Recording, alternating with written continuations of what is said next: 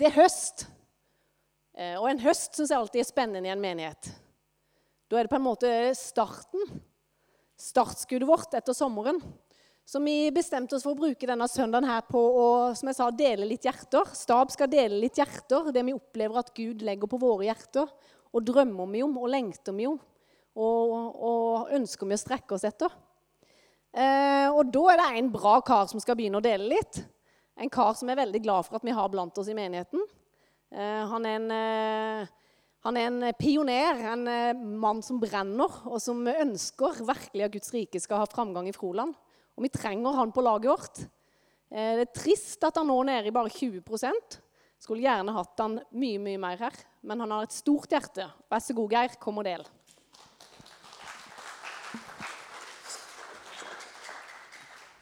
Vi må ta vekk denne, Kristine.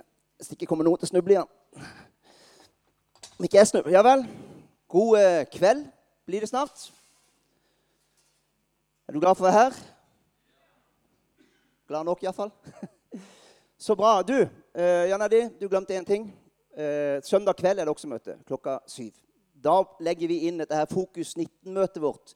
Det blir vårt Fokus 19-møte med Fokus 19 lovsangstime. Da prikker jeg det. Så da er du òg velkommen. Så bra. I dag så eh, Herren holder meg ydmyk. Vi må lære å ikke ta oss selv så høytidelig. Så Miriam sa du må gå og hente Thea. Hun har vært på overnatting. Eh, jeg har ikke fortalt det til deg, Miriam. Hun har vært på overnatting. Eh, er, jeg trodde du sa Blakstadheia. Så tenkte jeg ja, da er du der oppe hos Stia. Så jeg kjører opp og inn i tunet, og der sitter mor og har besøk av noen ikke jeg kjenner. Og jeg kommer opp der og Ja, er du på tur, sier de. Nei, jeg skal bare på pizza. Ja, og få kaffe og sette meg ned og, med fremmede mennesker og sitte der en stund. For jeg hører noen unger som er på en trampoline like bakenfor. Og tenkte ja, hun får hoppe litt til, Thea. Men hun var litt forvirra, for hun spurte flere ganger ja, er du, eh, er du bare på tur. men, men Thea var jo ikke der, da. Hun hadde aldri vært der. så det så. Det var litt flaut. Litt flaut, men vi må lære oss å ikke ta oss selv så tidlig. Men misjon. Er du, eh, er du opptatt av misjon? Hvor mange er opptatt av misjon? Ja, det er halve forsamlingen, og det er veldig bra. Misjon det er på Guds hjerte. og jeg har lyst til å si Bare noe sånn som de teltmøtene, det er faktisk misjon. Og du kan spørre hvorfor i all verden skal vi ut dit og gjøre det når vi har alt på plass her inne. Det er masse jobb og masse forberedelser. Min erfaring er Og det er rart, det der, for Gud er jo her, og Den hellige ånd er her. Det vet vi jo. Og Gud elsker å møte oss her. Men så fort vi tar noen skritt ut Jeg holdt nesten på å si om det så er bare ned på Kringla eller hvor som helst, så kommer Gud på særskilte måter. Dere som har vært på misjonsreise, og dere har opplevd det hvordan du, du kan strengt tatt bare gå på, på byen holdt jeg på å si, og vitne. Og, og, mange opplever at der blir jo folk helbreda. Og Av og til opplever man jo at folk blir mer og lettere helbreda på misjon enn hjemme. Det har ikke jeg noe svar på hvorfor det er sånn. Men jeg tror det har noe med dette lydighetsaspektet om å gå ut, og det har noe med dette trosaspektet å handle i tro. Der passer det bra med amen. Men vi er nå der at vi har satt ned en liten gruppe eh, på tre-fire stykk foreløpig som ser litt på misjon i menigheten. Jeg tror selvfølgelig, og det tror du òg, at vi skal gjøre langt mer enn det vi gjør i dag. Er det dårlig, det vi gjør i dag? Nei, langt derifra. Jeg takker Gud for all den misjonen som går ut fra denne menighet. Og det har jeg lyst til å si at det, Til å være en liten landsbymenighet Ja, ble du fornærma? Jeg kalte oss liten. Men, men, vi er ikke noe kjempestor menighet. Eh, men vi er en ganske stor menighet til å være på en liten plass. La oss se det sånn, da. Men til å være en såpass relativt liten landsbymenighet, så har vi fantastiske arbeider som foregår til enhver tid. Med Inge og med Sven Egil Eh, Jan jeg vet om han tilhører oss, men er jo stadig ute. Håkon har noen team ute. Eh, ungdommen er mer og mer ute på team. Eivind har jo vært opptatt i hele sommer. Så det skjer mye bra. Men det vi har kjent litt på i lederskapet, det er at kanskje vi er inne i en tid hvor vi som menighet også må ha et arbeid som vi sier det er noe som er født i våre hjerter. En visjon som Gud har gitt oss som menighet som vi kan stå sammen om og innta nytt land. Jeg vet ikke om du henger helt med, men, men det er en forskjell skjønner du, på å Med en gang vi får et tiltale fra Gud og gjør noe i tro som menighet, så er det vi som må bære ansvaret holdt, sammen med Gud. Da er det vi som må bære byrden, holdt jeg på å si, for det er en byrde med misjon, sammen med Gud. Det er det vi som må inn i bønn. Det er det vi som står med i kampene. Ofte så blir det sånn at hvis vi bare støtter her og der, og det skal vi fortsette med, for all del Og vi skal drive med samarbeid, bl.a. teltmøter og andre ting. Vi skal gjøre masse sammen. Men når man ikke har sitt eget på den måten, så får man ikke del i, i, i dette å bære, dette å innta, dette å, å ha fått noe fra Gud. Så vi jobber med å se fins det områder vi kan være med som menighet og si der vil vi være med og pionere noe fram. Så vi kan møtes, søke Gud for hva Gud har. Samtidig som vi holder på med alt det andre og støtter alt det andre og har samarbeid med alt det andre. Henger du med? Du trenger ikke være enig, men jeg bare lufter det vi snakker om. Og ingenting er avgjort. Det er jo egentlig dere som skal avgjøre det til syvende og sist. Sånn er det jo. Og så har vi sett på i Kambodsja så driver eh, Hva heter det for noe? Akta, det heter ikke det? Imi kirka, sammen med Troens bevis, har et meget spennende pionert arbeid i Kambodsja. Eh, og du sier hvorfor Hva er det som gjør det spennende? Jo, den kombinasjonen av de to skal jeg si bitte grann om. Rune Edvardsen er en pioner. Han driver kampanjer. Jeg tror veldig på kampanjer, og det er det flere i menigheten som gjør. Jeg tror på å kaste ut store garn og fiske med store nett. Men så er det noe med det at når du kombinerer troens bevis sammen med Imi-kirka, så ser jeg at det blir en veldig sterk effekt ut av det. Troens bevis har dette pionere, djerve, kaster ut eh, store garn. Mens Imi-kirka kommer inn og tar mye bra etterarbeid, pastortrening, eh, verdi Holdt jeg på å si verdiendring. For det er sånn at i mange land så er det ikke all kultur som er Guds kultur. I Asia for eksempel, så har de veldig mye mot, og, og, og de står veldig på. Men, men det er en del, en del, i kulturen der som veldig, blir veldig strev. Og Gud kan bli fjern, og Gud kan bli en streng pappa. Og, og mange jobber seg nesten i hjel. Så vi må også tørre å gå inn i land og skape gudskultur eh, der hvor det mangler. Det er Ima-kirka veldig flinke på. Og de får enormt gode tilbakemeldinger fra pastorene der nede gjennom sine pastorseminarer og ledertrening og nettverksbygging. Hvordan det forvandler livene til og med til pastorene. Som kanskje har vært veldig på strevelinja og frykter Gud litt. Og så får de eh, endra litt av verdiene sine. Og så blir det veldig sterkt. Det har vi sett på. Så jeg tenker at eh, jeg reiser med ut en tur om ikke så lenge. Kanskje i løpet av det halvåret her. tenker jeg. Så får vi kjenne litt på det og lukte litt på det. Så må vi snakke mer om det. Og så må dere være engasjert. Og så må vi ta det her sammen. Høres det bra ut? Jeg har bare lyst til å si at det fins veldig få menigheter som driver misjon som ligner noe på kampanje. Og jeg har aldri skjønt hvorfor. Og jeg har spurt meg sjøl og Gud og sagt Hvorfor må det alltid være enkeltindivider? Jeg har gjort det sjøl i ti år. Hvorfor må det alltid være enkeltindivider som nesten alene med de støttepartnerne de får, skal drifte kampanje? Og takk Gud for at de er lydige og gjør det. Og jeg tror ofte Gud kaller enkeltindivider fordi at menigheten ikke er på banen. Men kan noe bli sterkere enn en menighet som tør å gjøre noe lignende? Det tror jeg på, men det er mitt hjerte. Jeg tror veldig på det. At menigheter kan drive store arbeid og plante 10-15 menigheter i året der ute i verden. Nesten uansett hvor det er. Colombia, hvor som helst. Og det er noe med den utvekslinga at det er noe som er født hos oss, som vi bærer sammen. Så reiser vi ut på team, og så er vi der eh, med jevne mellomrom, frem og tilbake, og får DNA-et av misjon inn under huden. For det trenger vi. Gjør vi ikke? Mange har det allerede men det kan styrkes. Det var ca. det. Var ikke det greit, Vidar? Konsert. Ja, 15. september, det er en lørdag, blir det en ganske stor eh, konsertinntektskveld. Igjen så er det Troens Bevis, Imi kirka, som har dette sammen.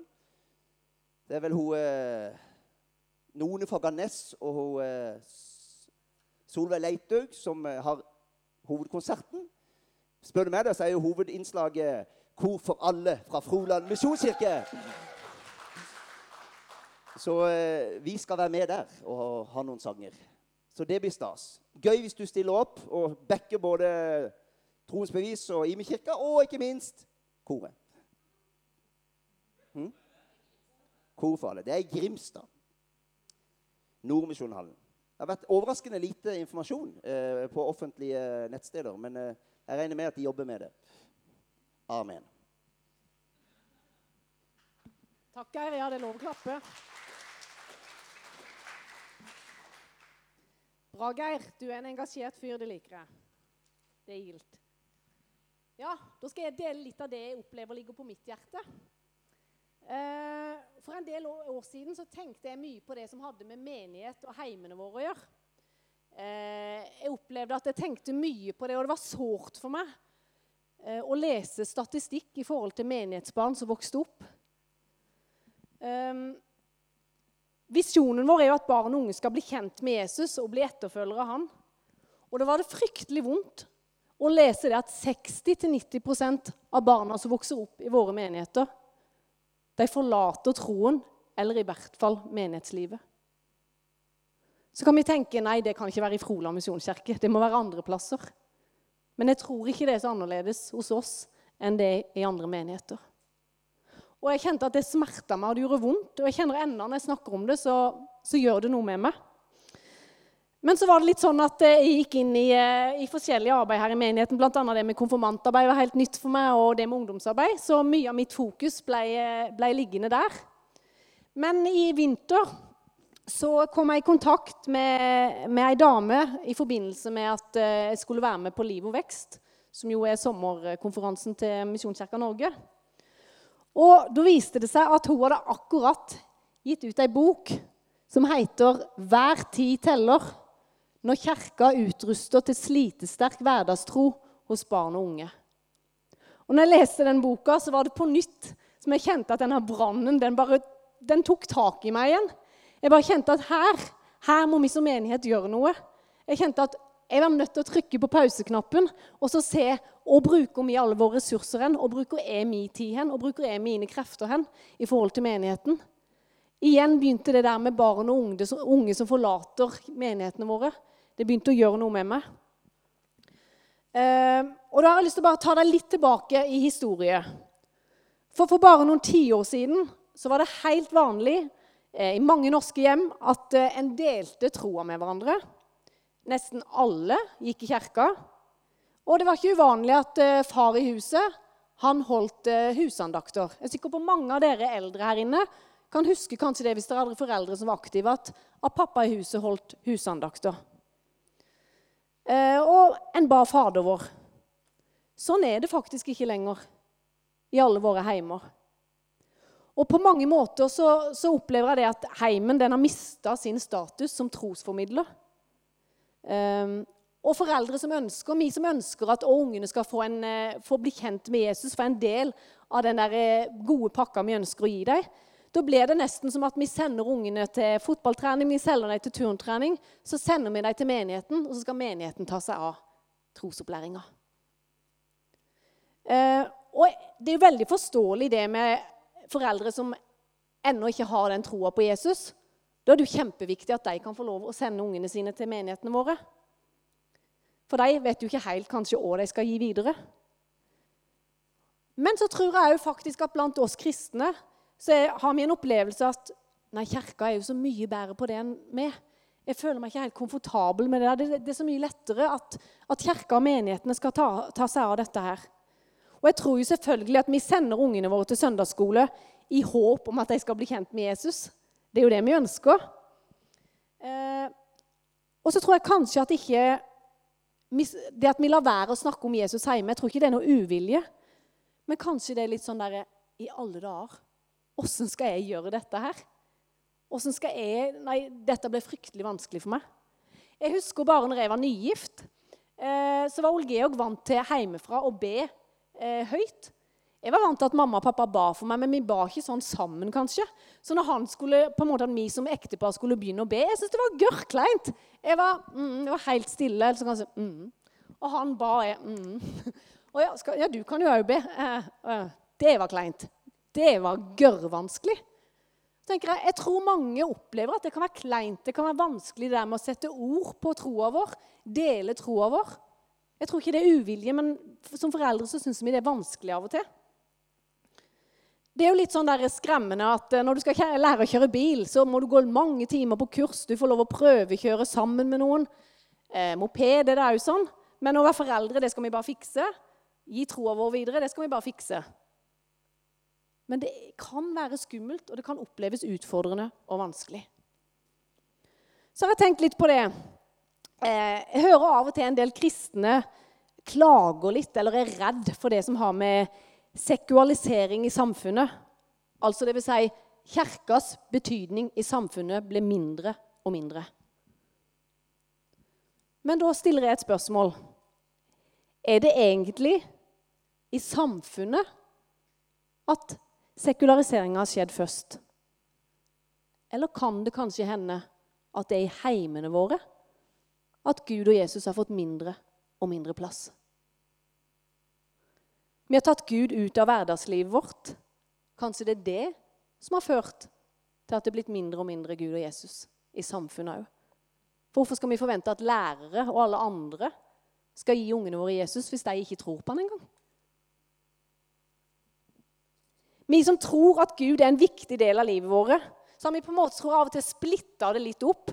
Vi har åndelige aktiviteter i kirka, og så har vi det andre verdslige. Så deler vi det nesten opp istedenfor at vi kan ta Jesus med oss der vi er. I vår hverdag, inn i aktivitetene våre, der vi er.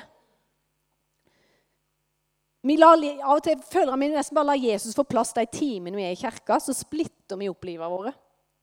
Du noe? Jeg tror på en helhet.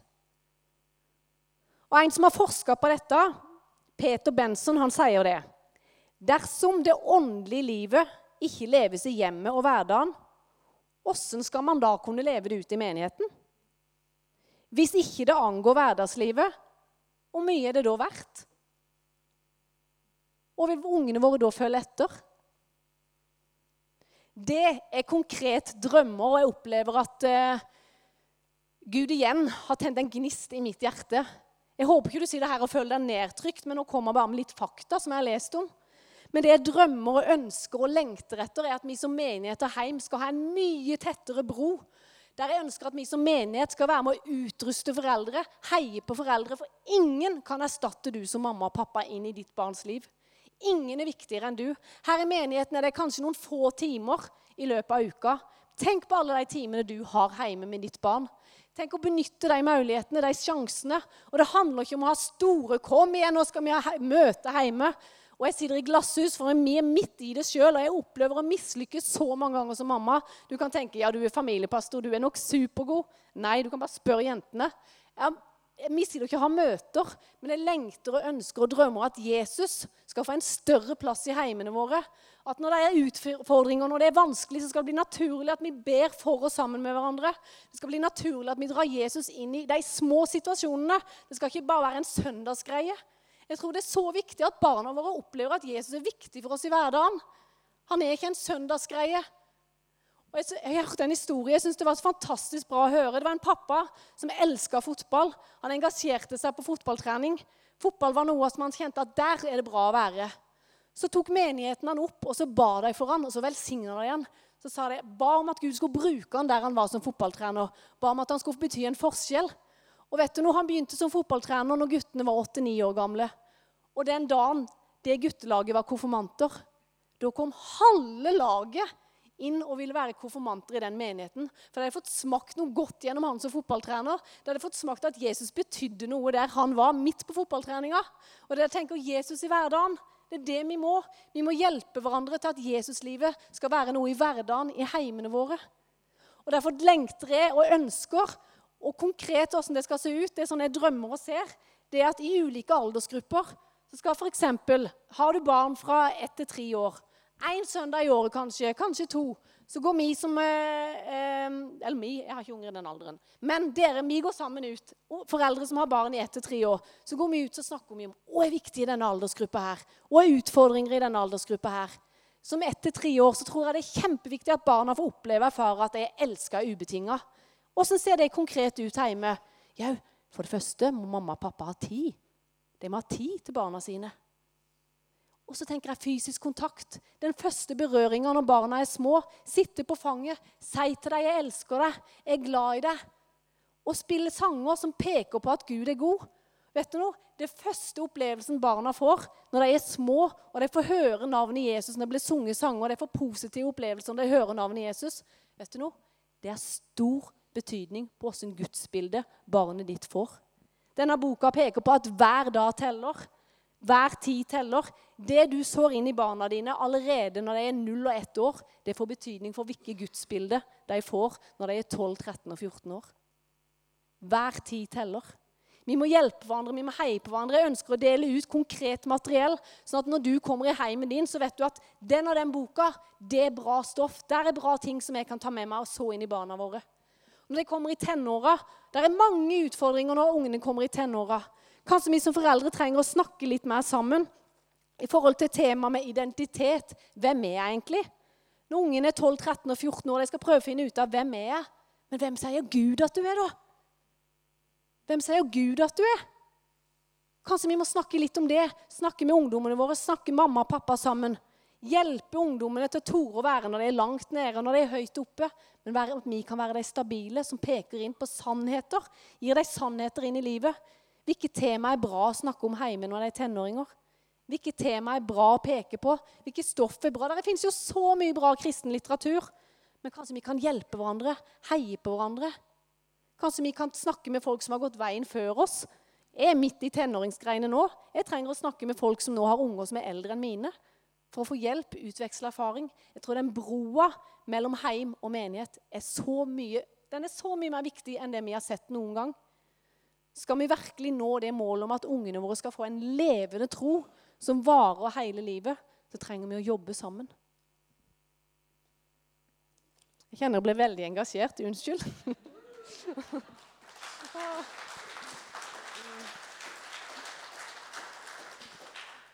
En ting som er viktig for meg å si, jeg kjenner jeg blir engasjert, for jeg opplever at jeg tror det er Gud som legger det på hjertet mitt. Men jeg òg sier, og er kjempeydmyk, for jeg har ikke alle svarene, ikke alle løsningene. Jeg sitter midt i det glasshuset sjøl. Men jeg kan ikke la være å gjøre det. Jeg kjenner jeg er nødt til å trykke på pauseknappen for å sette av tid til dette her. For jeg tror vi trenger å hjelpe hverandre på veien. Yes. En annen ting. Eh, det var eh, familiepastorhjertet som virkelig begynner å brenne.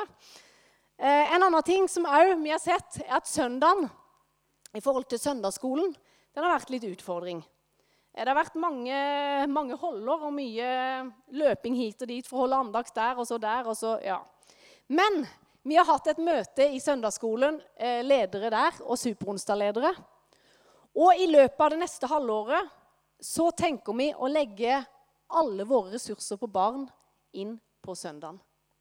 Vi drømmer og ser for oss at uh, ungene skal være her litt inne de første 10-15 minuttene.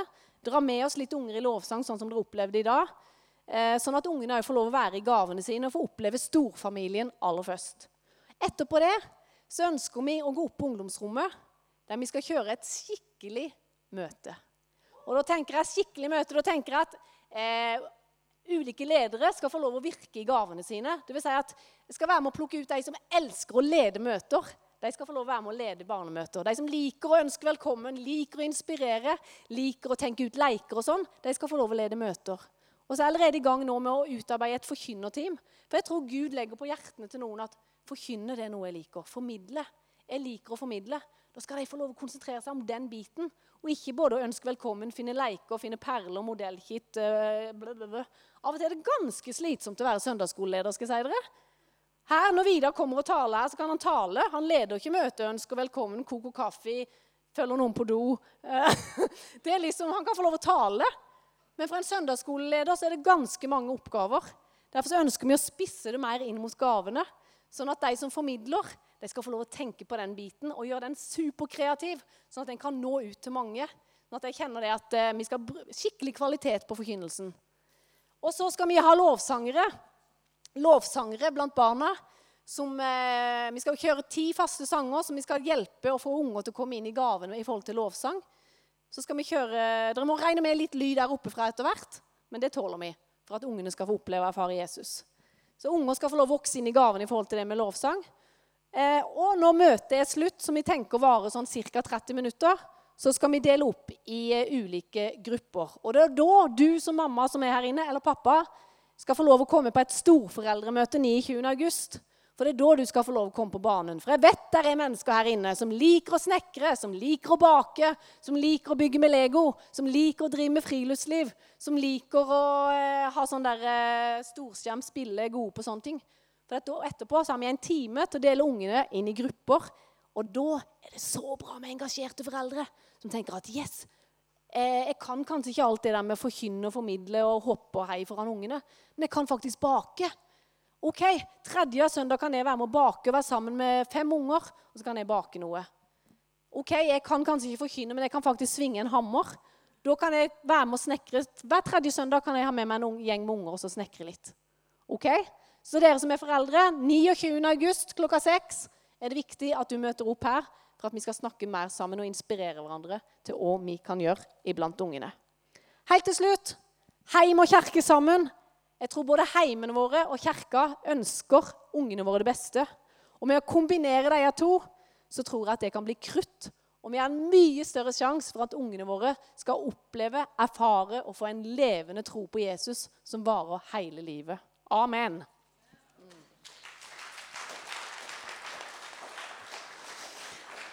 For ei dame.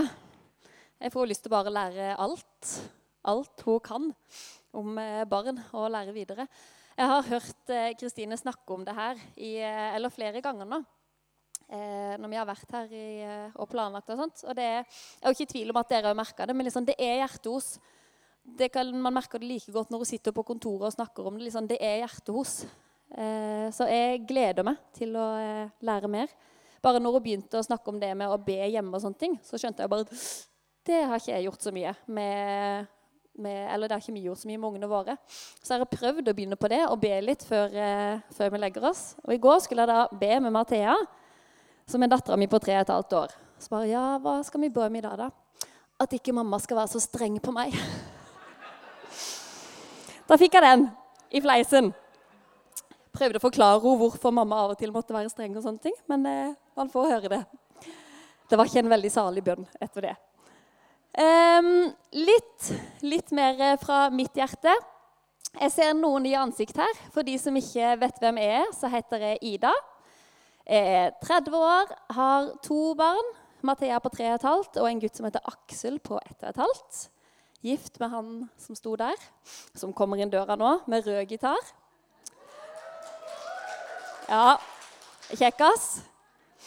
Det, det var godt planlagt i dag. Rød gitar der og to røde slengbukser her. Det var ikke planlagt. Jeg er ansatt her i menigheten da delvis på lovsang. Jeg har tenkt å gi dere først bare litt sånn praktisk info om hvordan lovsangs, lovsangstjenesten, lovsangsmiljøet, ser ut nå. Og så skal jeg dele litt eh, hjertet mitt. Søndagene fremover kommer nok til å bli ganske annerledes enn hva, hvordan dere så det i dag, og hvordan vi har vært vant til i Froland misjonskirke. Vi har ikke like mange musikere lenger som det vi har pleid å ha. Eh, så det blir et veldig eh, Et litt roligere uttrykk i lovsangen. Eh, og da kan man på en måte Eller jeg sa det til Vidar tidligere i uka at hadde dette vært for noen år siden, så tror jeg jeg hadde blitt veldig stressa. For litt sånn, man må, jo ha, man må jo ha fullt band og sånne ting. Det er jo gøy, og det er bra. Men eh, jeg finnes ikke stressa i det hele tatt. Eh, er veldig trygg i at eh, lovsang er noe Gud har plassert spesielt og gitt spesielle gaver i den menigheten her. Og fordi vi nå har en periode foran oss der uttrykket blir litt annerledes enn det det har vært, så tror ikke jeg vi kommer til å oppleve noe mindre. Jeg tror vi til, kommer til å knytte like sterke hjerterelasjoner i lovsangen med Gud som det vi har. Så jeg har masse forventninger til tida fremover, selv om det ser litt annerledes ut. Og så blir det ikke så eh, høy lyd for dere. Er dere glad for det? Ja, noen. Det er lov å være glad for det, dere. Nei da. På Fokus 19-møtene, som er en gang i måneden, så blir det fullt band.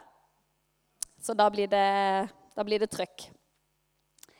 Um, Jeg skal prøve å følge notatene mine. Jo, en ting jeg har skrevet er at dere må gjerne være med og be for lovsangsarbeidet. Fordi, at, eh, fordi om det er sånn en periode nå at ting ser litt annerledes ut enn det det har gjort, så tror jeg at vi skal vokse enda mer og bli større og bli fulle team. Så dere må gjerne være med og be om at de rette personene skal havne der, eh, der de skal. holdt jeg på å si. At vi skal få inn de som skal stå i den tjenesten til den tida de skal det.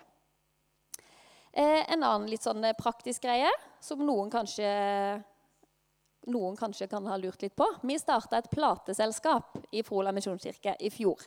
Og vi ga ut fire egenskrevne sanger før jul. Julesanger. Eh, og de, dere, si, de sangene går det faktisk veldig bra med. Den ene sangen nærmer seg 5000 avspillinger på Spotify. Det er ganske mye. Vi får stadig forespørsler om, kan, om vi kan sende folk tekster og blekker. og for de som lurer på hva blekk er, akkordene på et ark. Fordi folk ønsker å bruke sangene våre. Fikk mail senest forrige uke. Noen som vil bruke det nå til våren. Julesang på våren. Jeg forsto den ikke helt, men de ønska å bruke den. Folk bruker den på eh, skoleeksamene sine. Eh, så vi når faktisk litt ut, dere. Lille Froland. Er det litt gøy? Ja. Jeg syns det er mm, Jeg syns det er veldig gøy. Eh, vi er nå i gang og planlegger eh, neste utgivelse. holdt jeg på å si. Vi har eh, utvida plateselskapsstyret litt og har hatt noen samlinger nå. Og det kommer en utgivelse til våren, tidlig vår, med mest sannsynlig fire nye lovsanger skrevet herfra. Så gled dere til det. Den ene er ikke skrevet ennå, men de tre andre er veldig, veldig fine. Så hva er drømmer om? Um, når jeg da har tenkt litt på det de siste ukene, så har jeg vært litt sånn OK, men hva drømmer jeg egentlig om? Og nå skal dere høre. Det jeg har tenkt um, Eller den tanken her falt ned i hodet mitt i går kveld. Så skrev jeg ned i dag. Jeg drømmer om at Froland misjonskirke skal omtales som Eller når folk sier Froland misjonskirke Å ja, det er der som alle tilber. Det er den menigheten der alle tilber. Jeg bare, åh, ja. Og så tenker du, å, Betyr det at vi må se ut som når man ser på TV de her eh, store konferansene i uh, store arenaer der alle står med hendene løfta? Er det sånn det må se ut? Nei. Ikke i det hele tatt. Det er ingenting galt med det på noen måte. Jeg elsker det sjøl. Men det er ikke det det handler om. Jeg ønsker at, eller jeg drømmer om at vi skal være en menighet som alle tilber i form av at vi alle klarer å koble hjertet vårt på i tilbedelsen. At når folk kommer inn døra her, og det er lovsang, så merker de en enhet i lovsangen. Ehm, det er ingen forskjell på oss fremfor Gud i tilbedelse. I forhold til at ja, Noen synger annerledes enn andre, noen spiller eh, annerledes. Men måten vi kan komme med hjertet vårt fremfor Gud i lovsang, det er helt likt. Og jeg ønsker at vi skal merke den enheten, og at folk som kommer hit, skal merke den enheten blant oss. At det skal eh, vekkes opp en tilbeder i oss, så hjertet vårt er med på det som skjer. At det skal være ekte og ærlig, og at alle er med på det på sin måte. Jeg har, eh, Et par ganger nå så har jeg snakka på noen lovsangskonferanser om det å lede lovsang i generasjonsmenighet, der man har spekteret. Um, og det er jo faktisk da nesten umulig, i hvert fall hvis man tenker på starten av møtet, når det er barn og alt mulig, at alle står sånn, for da hadde det blitt, kunne blitt fort blitt litt kaos. Man må følge litt med på ungene sine òg. Eh, men jeg tror allikevel at hjertet kan være med, og det er det jeg drømmer om. At vi alle skal være med på det som skjer. Forrige søndag så eh, hadde jeg meg en liten løpetur. Og når jeg løper, så surrer ofte tankene mine inn på det som har med lovsang å gjøre. Og da var det akkurat som at Gud eh, jeg har kanskje på en måte glemt det litt. Vi flytta hit for tre og et halvt år siden. Og da begynte jeg å jobbe her. Og da hadde jeg veldig liksom, den herre brannen og drømmer for Froland misjonskirke. Eh, og så har det vært Vi har fått to barn på den tida, og plutselig er man småbarnsforeldre. Og det er jo noe nytt. Eh, og så har man hatt gjestetalere inne, og det har kommet eh, profetier over menigheten i forhold til det med lovsang, at vi skal på en måte nå ut, og vi skal tenke større enn Froland. Og det skal vi. Eh, men så noen, eller midt i det så har jeg kanskje da tenkt for mye på Vi skal tenke utenfor Froland. Men så var det akkurat som at Gud bare minte meg på hjertet mitt. Men litt sånn, men menigheten, det er den du egentlig brenner for? Jeg bare, Ja, det er jo det. Og når jeg løp der, så så jeg for meg ansiktene til mange av dere som er her. Um, og da var det ikke sånn at jeg så hele salen. Jeg så spesifikke ansikter. Og så bare Ja, du må jo liksom Drømmen for at den enkelte skulle få, få oppleve Gud i lovsangen, oppleve at lovsang er relevant, eh, at det er noe en kan være med på. Du som er her søndag etter søndag, du som er menigheten. At lovsang skal være noe du kan bli med på, at det skal være naturlig for deg. At du skal oppleve deg fri til det, at ikke du skal oppleve at du er isolert eller står utenfor. Det kunne blitt en tale. Det skal jeg ikke gjøre. Så jeg stopper på akkurat det punktet der, så stopper jeg, stopper jeg nå.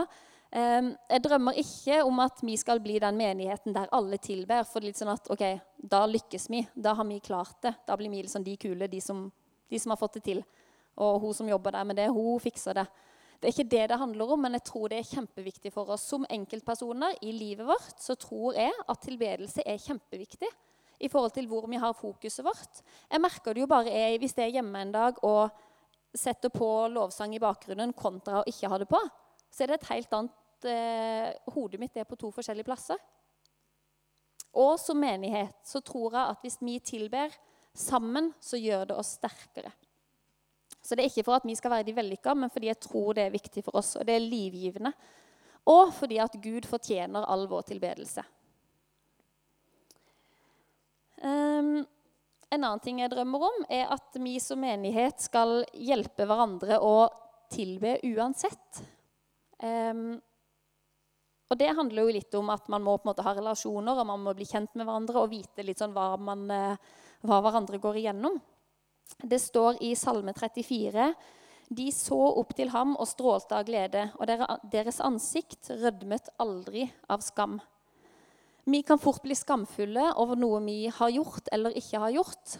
Og jeg drømmer om at vi skal hjelpe hverandre og minne hverandre på at vi skal ikke la det hindre oss i å se opp til Gud og stråle av glede. At ikke vi skal være skamfulle når vi ser på Han, og det trenger vi å minne hverandre på. Jeg trengte, eller Bare ikke så mange dager siden jeg minner en jeg kjenner godt på det. At det har ikke noe å si. Eh, så midt i det vi står i, så trenger vi det, og vi trenger å si det til hverandre. Siste ting, så skal vi faktisk lovsynge litt. I Salme 22 så står det 'Gud troner på vår lovsang'. Jeg drømmer om at når vi tilber, så skal det skje helbredelser, og det skal skje tegn, og det skal skje under. Amen. Jeg tror at eh, når vi tilber Gud, når vi fokuserer på Han, så kommer Han med alt han er. Jeg har opplevd det uten at vi fikk vite det der og da, men i etterkant fikk vi vite at okay, det var en som ble helbreda i ryggen sin når vi tilba. Det ble ikke sagt noen ting om det. Ingen ba. Det bare skjedde. Jeg tror sånne ting kan skje, og jeg tror vi skal se mer av det her. Jeg tror det er noe folk skal komme hit for. At de skal komme hit for de vet at ok, i tilbedelsen der så skjer det ting. Der gjør Gud ting, fordi han troner på lovsangen.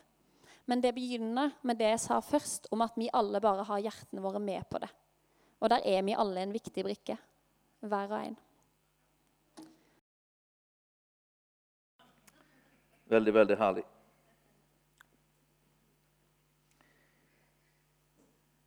Så godt å høre fra, fra alle de herlige hjertene som brenner i stab her. Det er sunt det å høre fra dem. Syns dere det? Det brenner mye. Guds ånd brenner i staben her på ulike områder. De har fått ulike områder for å forvalte det, for å utvikle det. Derfor at vi ønsker å være en menighet som holdt jeg på å si, går framover.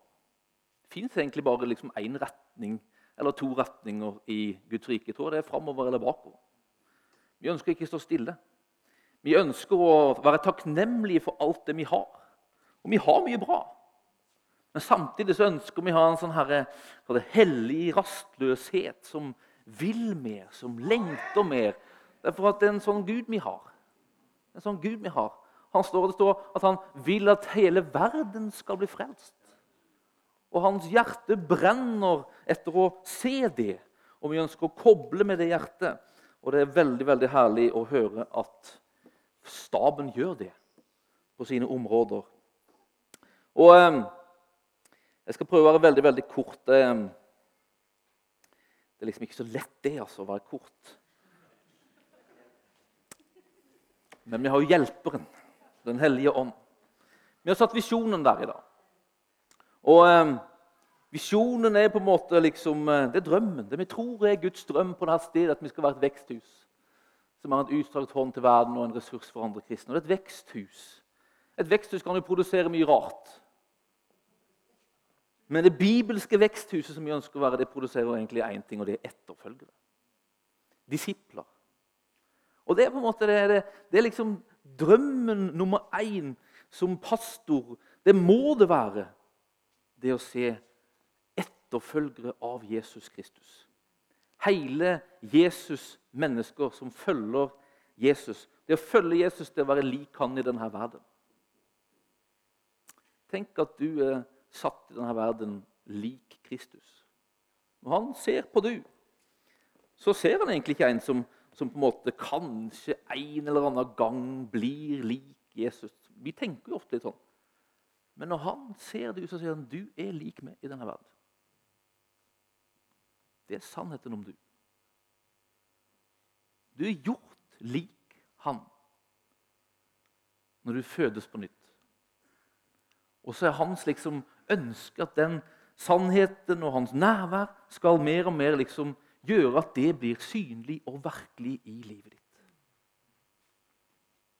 Jesus-mennesker, etterfølgere. Og jeg er jo eh, fostra i en eh, i en eh, liksom sånn sjelesorgsetning. Og Linda Bergling, som var på en måte min pastor der henne, hun, hun, hadde liksom, hun, hun, hun sånn, fikk en gang et sånn tiltale fra Gud. Gud sa du skal forsøke å sette ord på åndelige ting og åndelige prosesser. Og Resultatet har blitt en masse modeller og tegninger. og alt sånt der. Hun har vært i Froland og forsøkt å introdusere det vet jeg, for noen år siden. Det ble litt komplisert, tror jeg. Men noen av de her modellene hun har, er veldig veldig, veldig bra. Og hun har på en måte, Sammen med Gud, gjennom bønn, så forsøkte hun på en måte å peke på hvordan ser et helt Jesus-menneske ut. Hvordan skal vi, når vi jobber med mennesker, hva skal vi på en måte liksom heie fram, søke å, styrke sånn at det kommer fram? Hvordan ser et helt Jesus-menneske ut? Jo, han ser jo ut som, en, som lik Jesus. altså. Men hun pekte på fire ting som på en måte fins liksom, nesten nedlagt i mennesket. Som mennesket liksom nesten har behov av. Og som Gud ønsker å elske fram i den enkelte. Og Da gjorde hun det på en måte Lagde en sånn modell i, i form av et kors. Derfor at Korset er jo på en måte liksom starten. Det er starten. Gjennom korset så føres vi inn i et fellesskap med Gud. Og i det fellesskapet med Gud så er vi kalt til et liv i etterfølgelse. Et liv i fellesskap, et liv lik Han. Og da ut fra på en måte det, ut fra Jesu liv og ut fra hva Bibelen underviser, så pekte på at mennesket, for at mennesket skal være helt, så behøver mennesket å på en måte vokse inn i fire ulike ting. For det første og det grunnleggende er at mennesket behøver å utvikle en egen kjærlighetsrelasjon med Gud. Jesus sier til Johannes at, ikke til Johannes, men i Johannes til Nikodemus at alle mennesker måtte bli født på nytt. Når vi fødes på nytt, så blir vi Guds barn. Da havner vi i en relasjon med Gud som Bibelen sier er en kjærlighetsrelasjon. I den relasjonen med Gud så skal vi få, få som, som, som, barn i forhold til foreldre nesten liksom få drikke. Få ta imot. få lære kjenne Han. Det er det mest grunnleggende behovet et menneske har. Mennesket er skapt for kjærlighet. En kjærlighet som bare Gud kan gi. Det er punkt nummer én. Mennesket behøver å utvikle en trygg relasjon med Gud. Linda sier, og jeg tror helt rett, at hvis ikke den første punktet kommer på plass, så blir de andre ikke helt hele. Det viktigste som skjer med du og meg, og skjedd med du og meg som er født på nytt, det er at vi har en kjærlighetsrelasjon med Jesus. Det er liksom prioritet nummer én. Lær kjenne Gud. Lær kjenne Gud. La han få elske deg. Og i den kjærlighetsrelasjonen der han får si til deg hvem du er nå som ny skapelse Du er rettferdiggjort. Du er hellig. Alt det sier Bibelen om du. Og det ønsker han å åpenbare for du i kjærlighetsrelasjonen. Og i den relasjonen så behøver òg hvert menneske å oppdage og utvikle det Gud har lagt ned i du. Vet du hva? Når jeg tenker menighet, så tenker jeg at det er kjempeviktig at dere oppdager og får utvikle det Gud har lagt ned i deg. Det er faktisk et behov, tror jeg. Jesus sier det er min mat å gjøre Guds vilje. Det betyr Jesus sier jeg blir lykkelig av å gjøre Guds vilje. Jeg vet ikke om det er bare fordi jeg er pastor, men jeg tror at alle mennesker behøver å få bruke sine gaver for Guds rike. Jeg tror det. Jeg tror faktisk som en enkel frotlending at man blir ikke fullt ut lykkelig hvis ikke man får bruke sine gaver for Guds rike skyld. Det er min filosofi i livet. altså. Og Jeg tror det, at det ligger der, og det oppdages i relasjonen med hans ønsker han å vise deg det. Det tredje er at hvert eneste menneske behøver å ta det som liksom man oppdager at man er. Både som Guds barn, man er Guds barn, men også hvilke gaver man har. Og ta det inn i et fellesskap med andre. Alle mennesker har behov for fellesskap. Og vet du hva? Det du har fått, behøver et fellesskap for at det skal komme til nytte. Ingen mennesker er kalt til solokristendom. Vi er kalt til fellesskapskristendom. Det er sant. Så et helt menneske, sier Linda, og jeg tror helt rett. Bibelen peker på at det du får ta imot i det egne relasjonen med Gud, det du oppdager at du er, dine gaver, dine tjenester Hensikten med det, det er å bygge opp fellesskapet. Bygge opp Kristi kropp. Det skal dit. Du skal dit. Jeg jobber for det som pastor. Jeg drømmer om det som pastor. At hver eneste som tar imot Jesus, skal bli etablert og finne en plass i menigheten der de her gavene som man oppdager i fellesskap med Gud, den unike personligheten man, man, man ser at man er i, i fellesskap med Gud, kommer til sin rett og til nytte. For at det der, sammen med de andre, skal strekkes ut til hele verden. Det er nemlig hensikten med hver, og en av våre liv. Dette skal være med å bringe Guds rike og evangeliet ut til hele verden.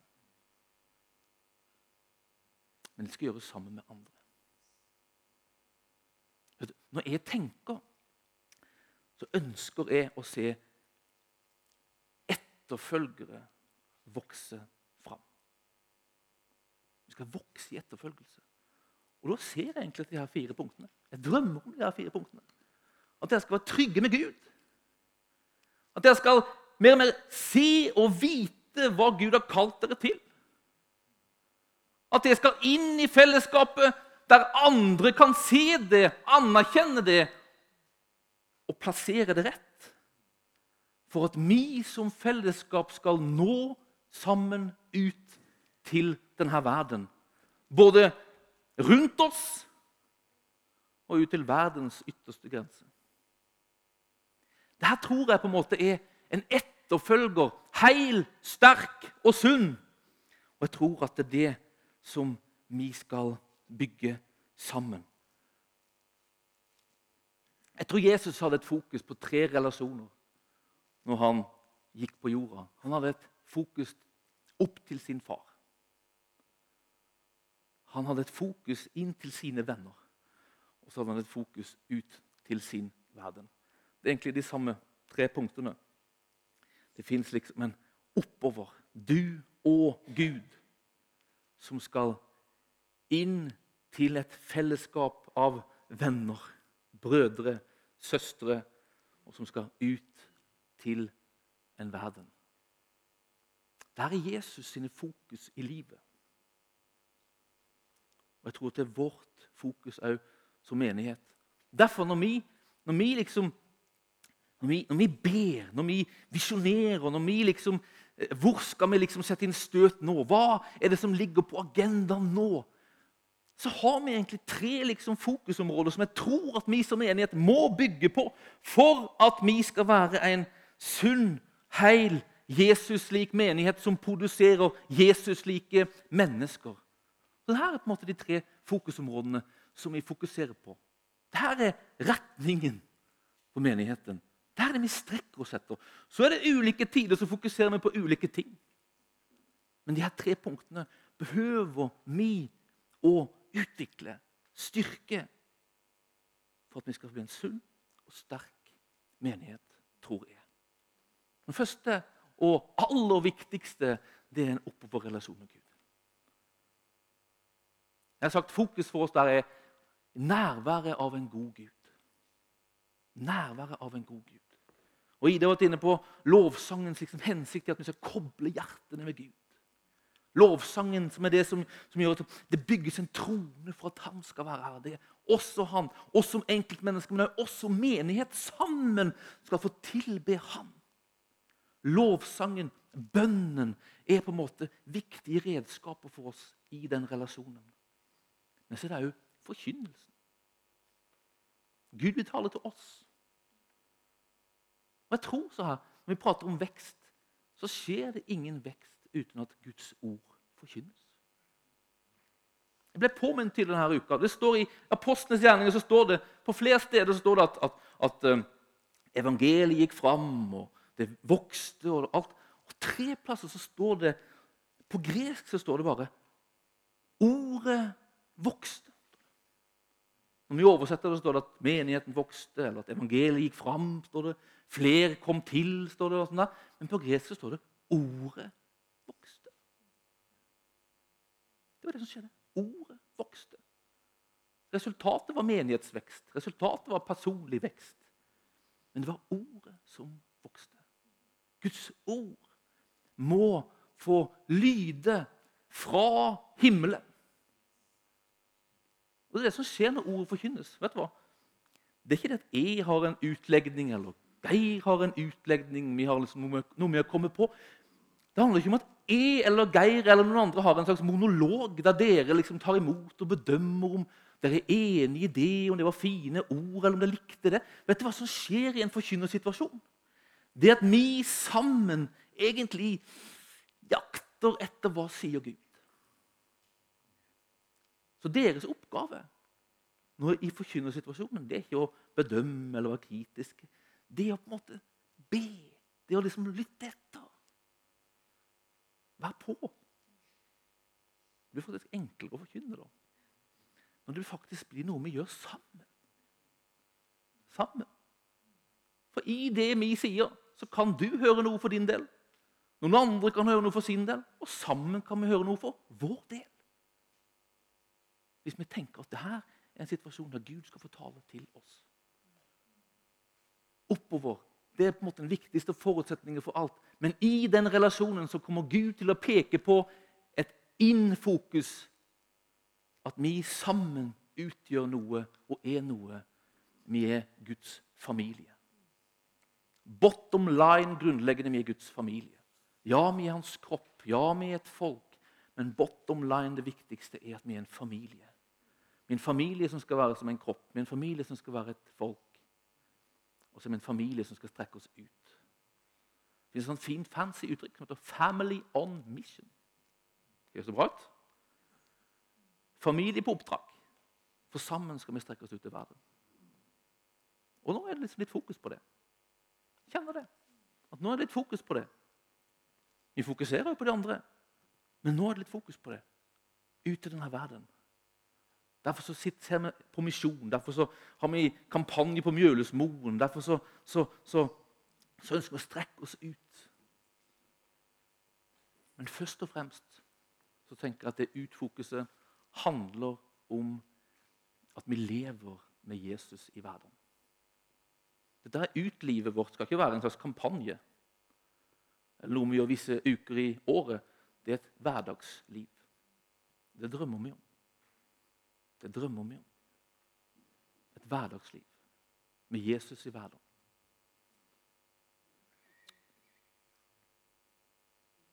Amen? Jeg skal ikke si noe mer om det.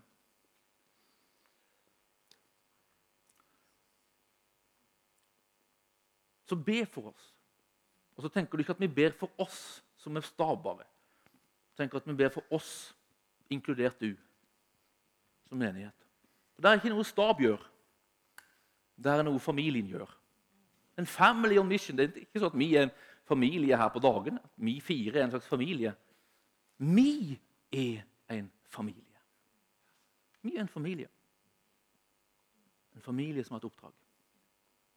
Men vi er ikke løshester på et oppdrag. Vi er en familie på oppdrag. Amen? I dag så fikk du, tror jeg, i døra en sånn lapp. Fikk alle en lapp som handler om givertjeneste. Fikk dere det? Mange har fått den?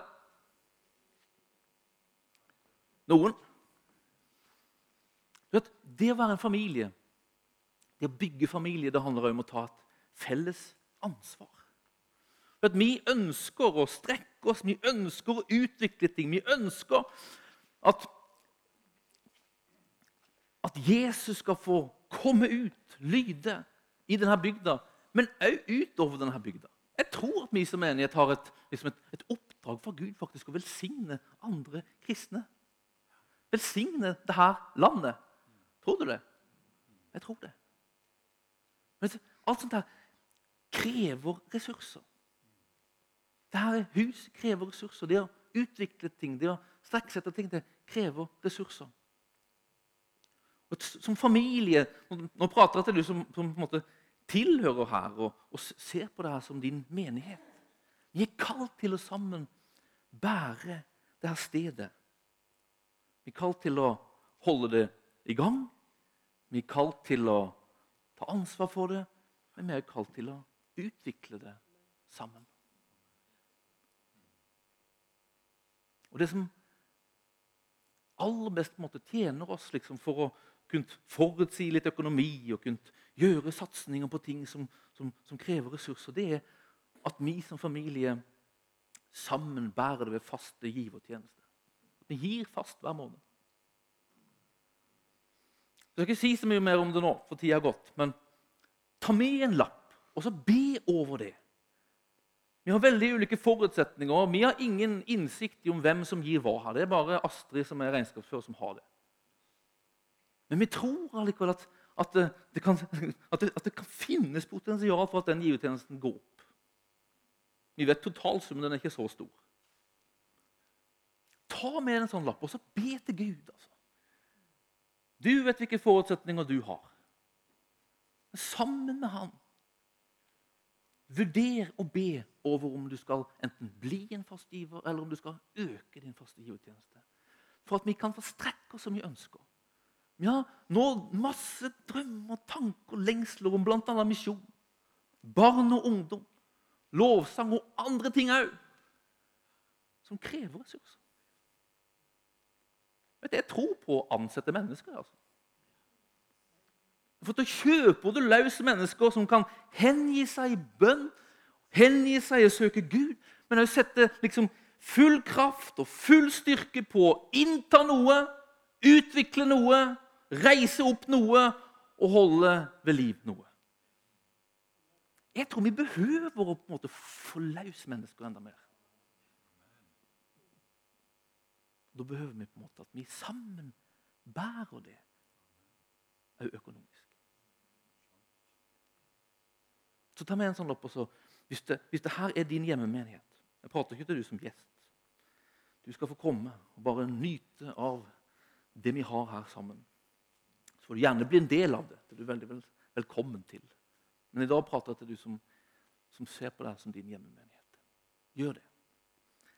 Lovsangere. Vi har ikke tatt opp en kollekte, da, og det var egentlig litt sånn med vilje, for vi skal gjøre det nå. Nå har dere fått liksom litt sånn i dag En litt spesiell søndag.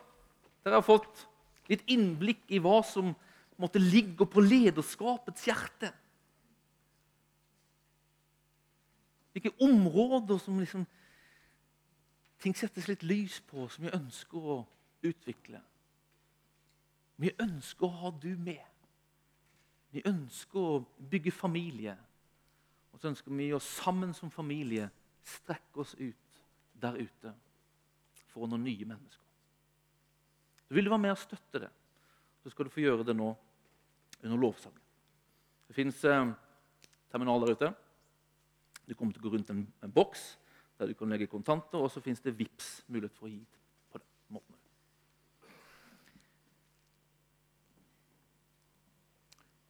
Så går vi inn i lovsangen, og så er det som vanlig åpent for forbønn her framme. Hvis du har behov, så vil vi veldig veldig gjerne be for deg. Og Det er kommet inn et sånt behov. Vi skal be for Tore Ekra, som eh, har hatt en ordentlig liksom, sånn sykdomstørn her i, i, sommer. Og Det er en del av det å være familie, det å stå sammen, det å støtte opp og det å be for hverandre. Vi skal be for Tore. Han sliter litt med matlysten, forstår jeg, blant annet. At han måte skal komme tilbake til full styrke. Full styrke. Så nå ber jeg, og så, når jeg bedt, så kan ikke noen andre kaste deg på og så, så be for Tore. Himmelske Far, vi takker deg, Herre. For du er den som er vår kilde til liv. Og du er den som er kilden til Tore, Herre, for liv. Og vi bare ber akkurat nå. Du bare skal berøre ham med liv og med helse. Vi bare forløser liv og helse. Taler det Jesu Kristi navn til hans kropp. Styrk den. Kom med matlyst. La det som er forårsaker den plagen, Herre, bare gå nå i Jesu navn. Bare fyll på, Herre, med din kraft og med din styrke. I Jesu navn. Det er ikke en som har røst. Bare be høyt for to.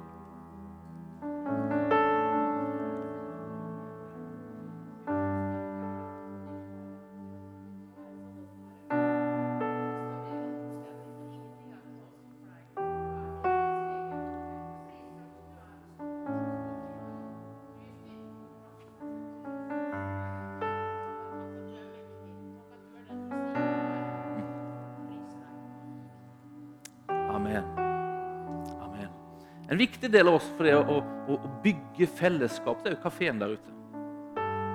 Etter søndagsmøtene så ønsker vi å ha fellesskap der ute. Dele fellesskap. Det å, det å ha gode samtaler, det å treffes, det, det er en del av å bygge familie. Bli gjerne med oss og skap den fellesskapsopplevelsen der ute. Du vet, så menigheten menigheten er ikke bare til for du, men du er til for den. Kafeen er ikke bare til for du. Så om du er sulten, går du inn, og ikke sulten, så går du hjem. Men kafeen behøver du. Hvis du har muligheter. Det er jo veldig ulikt. Man har små barn og alt sånt der, men har du mulighet, bli med inn der inne. Men ta med en stund i lovsang og tilbedelse. Du er veldig velkommen fram hvis du ønsker forbønn for et eller annet. Eller så ta med en stund bare, og så, så lovpriser vi Han. Så la vi hjertene våre koble med Han. og så La meg bare ha en sånn flytende avslutning i, i det på den måten.